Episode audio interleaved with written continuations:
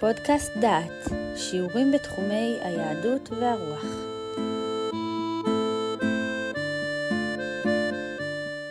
מלחמת גדעון, שופטים, פרק ו' הרקע ההיסטורי לאחר ניצחונה של דבורה על סיסרא ועל צבא הכנעני, הוכרע כוחו של הכנעני.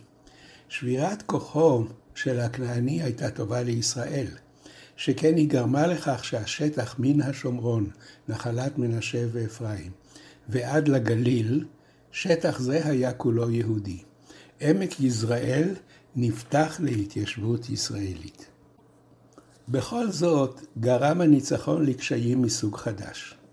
הצבא הכנעני עמד נגד פולשים מבחוץ, ומנע את כניסתם לארץ. כאשר הוכרע הצבא הכנעני ונשבר קו הביצורים שלו, נפתחה הארץ לחדירה של שבטי נודדים שבאו מן המדבר ושדדו את מרכזי יישוב הקבע במערב הירדן. בימי גדעון היו השבטים שפרצו לארץ ישראל שבטי המדיינים.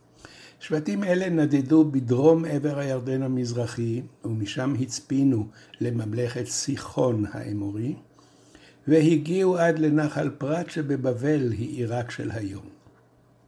במערב הם הגיעו עד מצרים. הם הצליחו לעבור מרחקים גדולים כאלה בזכות הישג טכני שלא היה לאחרים. באותה תקופה גבר השימוש בגמל לרכיבה, למסע וללחימה. שבטים אלה שבייתו את הגמל, הייתה להם יכולת טובה של תנועה ולחימה. המדיינים התפרצו לארץ כנען דרך מעברות הירדן באזור עמק בית שאן, ומשם דרך עמק יזרעאל אל פנים הארץ. הפסוק מספר כי הם הגיעו עד עזה שלחוף הים התיכון. כל הארץ הייתה נתונה לשליטתם. סיפור גדעון הוא המפורט ביותר מכל סיפורי ספר שופטים. לגדעון ולמלחמותיו מוקדשים שלושה פרקים ארוכים. נקרא תחילה את מצבם של ישראל. ויעשו בני ישראל הרע בעיני אדוני. ויתנם אדוני ביד מדיין שבע שנים. ותעז יד מדיין אל ישראל. מפני מדיין עשו להם בני ישראל את המנהרות אשר בהרים, ואת המערות ואת המצדות. והיה עם זרע ישראל, ועלה מדיין ועמלק ובני קדם, ועלו עליו. ויחנו עליהם וישחיתו את יבול הארץ עד בואכה עזה, ולא ישאירו מחיה בישראל, ושה ושור וחמור. כי הם ומקניהם יעלו ואוהליהם, ובאו כדי ארבה לרוב, ולהם ולגמליהם אין מספר. ויבואו בארץ לשחתה. וידל ישראל מאוד מפני מדיין, ויזעקו בני ישראל אל אדוני. המבנה של חטא, עונש ותשובה מוכר. נשים לב לתיאור של העונש, לתיאורם של שבטי המדיינים. המדיינים שולטים כמעט בכל ארץ ישראל. המקומות שאפשר להסתתר בהם הם מנהרות, מערות ומצדות בהרים. מקומות שגמלים אינם יכולים להיכנס אליהם. שם אפשר להחביא את התבואה ואת תוצרת השדה. המדיינים באים בארץ לשחתה. בניגוד לשליטים הגובים מס, אבל אינם הורסים את הכלכלה כי הם רוצים מיסים גם בשנה הבאה, המדיינים משחיתים את הארץ, לא אכפת להם אם היישוב יחרב. אלה הם בני מדבר השודדים היום, והמחר אינו מטריד אותם. המספר הרב של שבטים אלה מונע אפשרות להילחם בהם, כי הם רבים כדי הרבה. ואז מופיע גדעון כמושיע. הפסוקים מתארים באופן מלא את דרך הקדשתו לשופט, והיא מזכירה את הקדשתם של הנביאים לתפקידם. ויבוא מלאך אדוני, וישב תחת האלה אשר בעופרה, אשר ליואש אבי העזרי. וגדעון בנו חובט חיטים בגת, להניס מפני מדיין. וירא אליו מלאך אדוני ויאמר אליו, אדוני עמך גיבור החיל. ויאמר אליו גדעון, בי אדוני, ויש אדוני עמנו? ולמה מצאתנו כל זאת? ואיה כל נפלאותיו אשר סיפרו לנו אבותינו לאמור, הלא ממצרים העלנו אדוני, ועתה נטשנו אדוני, ויתננו בכף מדיין. פגישתו של גדעון עם המלאך נעשית כאשר גדעון במצב מושפל מאוד. העונה היא עונת הקציר, והדיש בעקבותיה. עונות אלה הן היפות בעונות השנה ומלאות שמחה מכולן. הקוצרים יוצאים לשדה, העניים הולכים בעקבותיהם ואוספים את הלקט הנושר מן השיבולים, והאווירה היא אווירת חג, כפי שאנו רואים במגילת רות. והנה גדעון בעיצומה של עונת הדיש, אבל במקום לגוש, לדוש את החיטים בגורן, בשדה הפתוח, הוא אוסף את החיטים לגת. הגת היא מקום דריכת הענבים, מקום סגור ומוסתר יותר. והוא דש שם את החיטים מתוך פחד שהמדיינים יגלו את מקומו ויגזלו את פרי עמלו.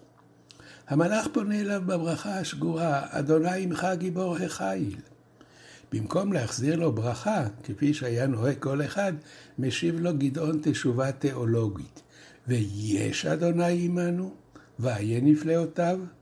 הלא ממצרים העלנו אדוני, ועתה נטשנו אדוני, ויתננו בכף מדיין.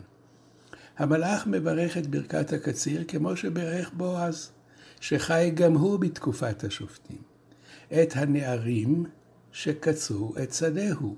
הנערים שבועז ברך, ענו לו במטבע הברכה השגורה, יברכך אדוני. ואילו גדעון אינו מוכן להשיב למלאך בברכה השגורה, אין הוא מרגיש שהשם עמו, והוא מעלה את כאבו לאיש הזר המברכו.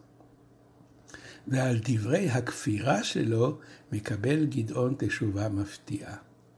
ויפן אליו אדוני ויאמר, לך בכוחך זה, והושעת את ישראל מכף מדיין, הלא שלחתיך.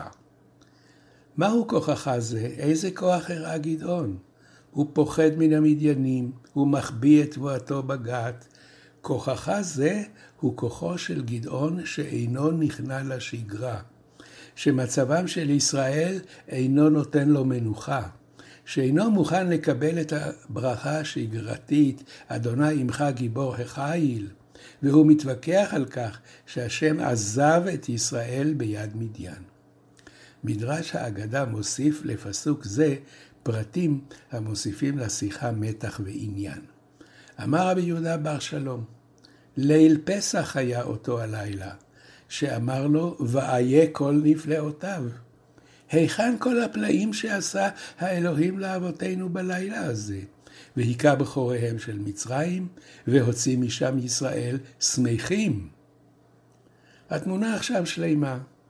גדעון חובט חיטים בערב פסח, בוודאי כדי לאפות מצות. הוא עושה את מלאכתו בהיחווה מפחד מדיין. המחשבות העוברות במוחו הן מחשבות על הפער הנורא שבין מצבו של ישראל ביציאת מצרים לבין מצבו עתה תחת עול מדיין. גירוי קטן מצד המלאך גורם לפרץ רגשות להתפרץ החוצה, והוא שואל, היש אדוני עמנו? ולמה מצאתנו כל זאת? ואיה כל נפלאותיו אשר סיפרו לנו אבותינו. והמדרש מוסיף, כיוון שלימד סנגוריה על ישראל, אמר הקדוש ברוך הוא, דין הוא שאגלה אני בכבודי עליו, שנאמר, ויפן אליו אדוני ויאמר, לך בכוחך זה. אמר לו הקדוש ברוך הוא, יש בך כוח ללמד סנגוריה על ישראל, בזכותך הם נגאלים, שנאמר, והושעת את ישראל. המדרש מבוסס על ההבחנה לשונית דקה. בתחילה נאמר, וירא אליו מלאך אדוני ויאמר אליו. ואילו לאחר דבריו של גדעון נאמר, ויפן אליו אדוני ויאמר. יש כאן התגלות ישירה, לא על ידי מלאך. והדבר נובע מן העובדה שגדעון מגלה רגישות לגורל עם ישראל. אבל גדעון מסרב לקבל את התפקיד. במה הושיע את ישראל? הנה על פי הדנל במנשה, ואנוכי הצעיר בבית אבי. והשם חוזר ואומר לו, כי אהיה עמך, והכית את מדיין כאיש אחד. גדעון מבקש ומקבל אות שאומנם מלאך השם הוא המדבר אליו. מינויו של גדעון למושיע של ישראל נעשה, אך לא די בכך. עוד שני שלבים עליו לעבור עד שיוביל את ישראל למלחמה במדיין. הדבר הראשון הוא הריסת מזבח הבעל. כדי להציל את ישראל יש לבטל את הסיבה לכישלונו, להרוס את מזבח הבעל. עבודת האלילים שהייתה בעופרה. בלילה זה זוכה גילות, גדעון בהתגלות אלוקים, התגלות הדומה לזו שזוכה לה לבן לפני שבא בדברים עם יעקב. זוהי התגלות ברמה נמוכה. אין זו נבואה ממש, אלא דרך שבה מוסר השם את דברו לבני אדם באמצעות חלום נבואי. וכך מספר ספר שופטים על מאורע זה. ויהי בלילה ההוא, ויאמר לו אדוני, קח את פר השור אשר לאביך, ופר השני שבע שנים, והרסת את מזבח הבעל אשר לאביך, ואת האשירה אשר עליו תכרות, ובנית מזבח לאדוני אלוהיך על ראש המעוז הזה במערכה. ולקחת את הפר השני, והעלית עולה בעצי האשירה אשר תכרות. ההוראה שמקבל גדעון היא להרוס את כל פולחנות עופרה, את הבעל ואת האשירה. שני פולחנות כנעניים. הבעל הוא האל הראשי של הפנתיאון הכנעני, וההשערה היא אלת הפריון, אשתו של הבעל. דרך אגב, כשאנחנו אומרים היום שדה בעל, שדה שאין משקים אותו, המילה, המילה בעל היא מהמילה בעל האליל. שדה בעל זה שדה שהאליל, האלים משקים אותו, ולא בני אדם. נמשיך. גדעון נדרש להרוס את מזבחו של בעל, לכרות את האשירה שהייתה עץ מוצב ליד המזבח, ולשרוף את הפר המיועד לפולחן של בעל על העצים הבוערים של אשירה. זה מעשה שמעורר סערה בעופרה. ואנשי העיר אומרים ליואש אבי גדעון, כצפוי, הוצא את בנך וימות, כי נתץ את מזבח הבעל, וכי כרת האשירה אשר עליו. יואש לא יכול להתנגד ליושבי עירו הנסערים, והוא משיב להם בעורמה. האתם תריבון לבעל? אם אתם תושיעון אותו? אשר יריב לו יומת עד הבוקר. אם אלוהים הוא, ירב לו, כי נצא, נתץ את מזבחו. יואש מדבר כמאמין גדול בבעל ובעשירה. אתם מבזים את הבעל אם אתם רבים ומגינים על כבודו. תנו לבעל לריב את ריב עצמו. אם אלוהים הוא, הוא ייפרע ממי שהרס את מזבחו. מאורע זה מראה כי יואש חדל מלהאמין בבעל ובעשירה, למרות שבביתו היו פולחנות אלה. ייתכן שהוא שמע מפי גדעון על ההתגלות שהייתה לו. יואב אינו מראה את חוסר האמון שלו בפולחן, אלא מעמיד פנים כאילו הבעל והעשרה, שכוחם כה רב, הם ינקמו את נקמת עלבונם. ועכשיו עוד ניסיון. הניסיון הראשון היה ניסיון של אומץ. עכשיו הוא מבקש עדות.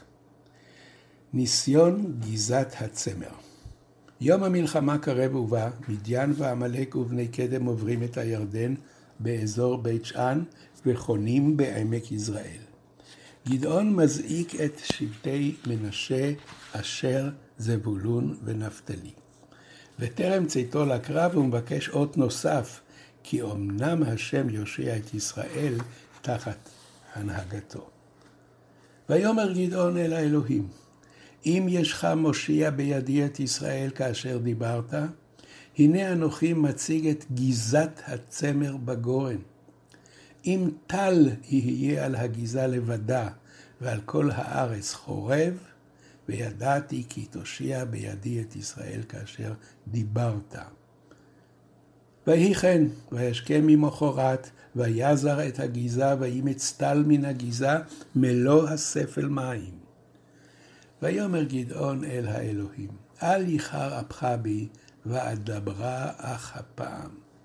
אנחנו שומעים את הד בקשתו של אברהם. אנסה נא רק הפעם בגיזה, יהי נא חורב אל הגיזה לבדה, ועל כל הארץ יהיה טל.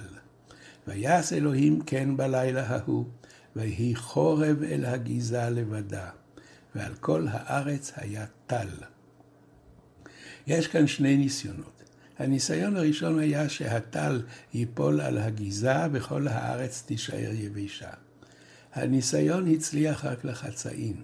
הגיזה הייתה מלאה טל, אבל לא נאמר שהארץ הייתה יבשה. הייתה זו טעות מצד גדעון, עובד האדמה, לבקש שהאדמה תהיה יבשה. על כן מבקש גדעון ניסיון נוסף. הפעם ברוחו של עובד אדמה. תישאר הגיזה יבשה, וכל הארץ סביב תקבל טל. הבקשה מתמלאת, וגדעון בטוח כי הוא השליח להושיע את ישראל. גדעון עבר את שלושת השלבים של מינויו לשליח. הוא גילה רגישות לגורלו של עם ישראל, הרס את פולחן הבעל והאשרה בעירו, ואימת כי בעזרתו יביא השם את הישועה לישראל. עת הקרב הגיע.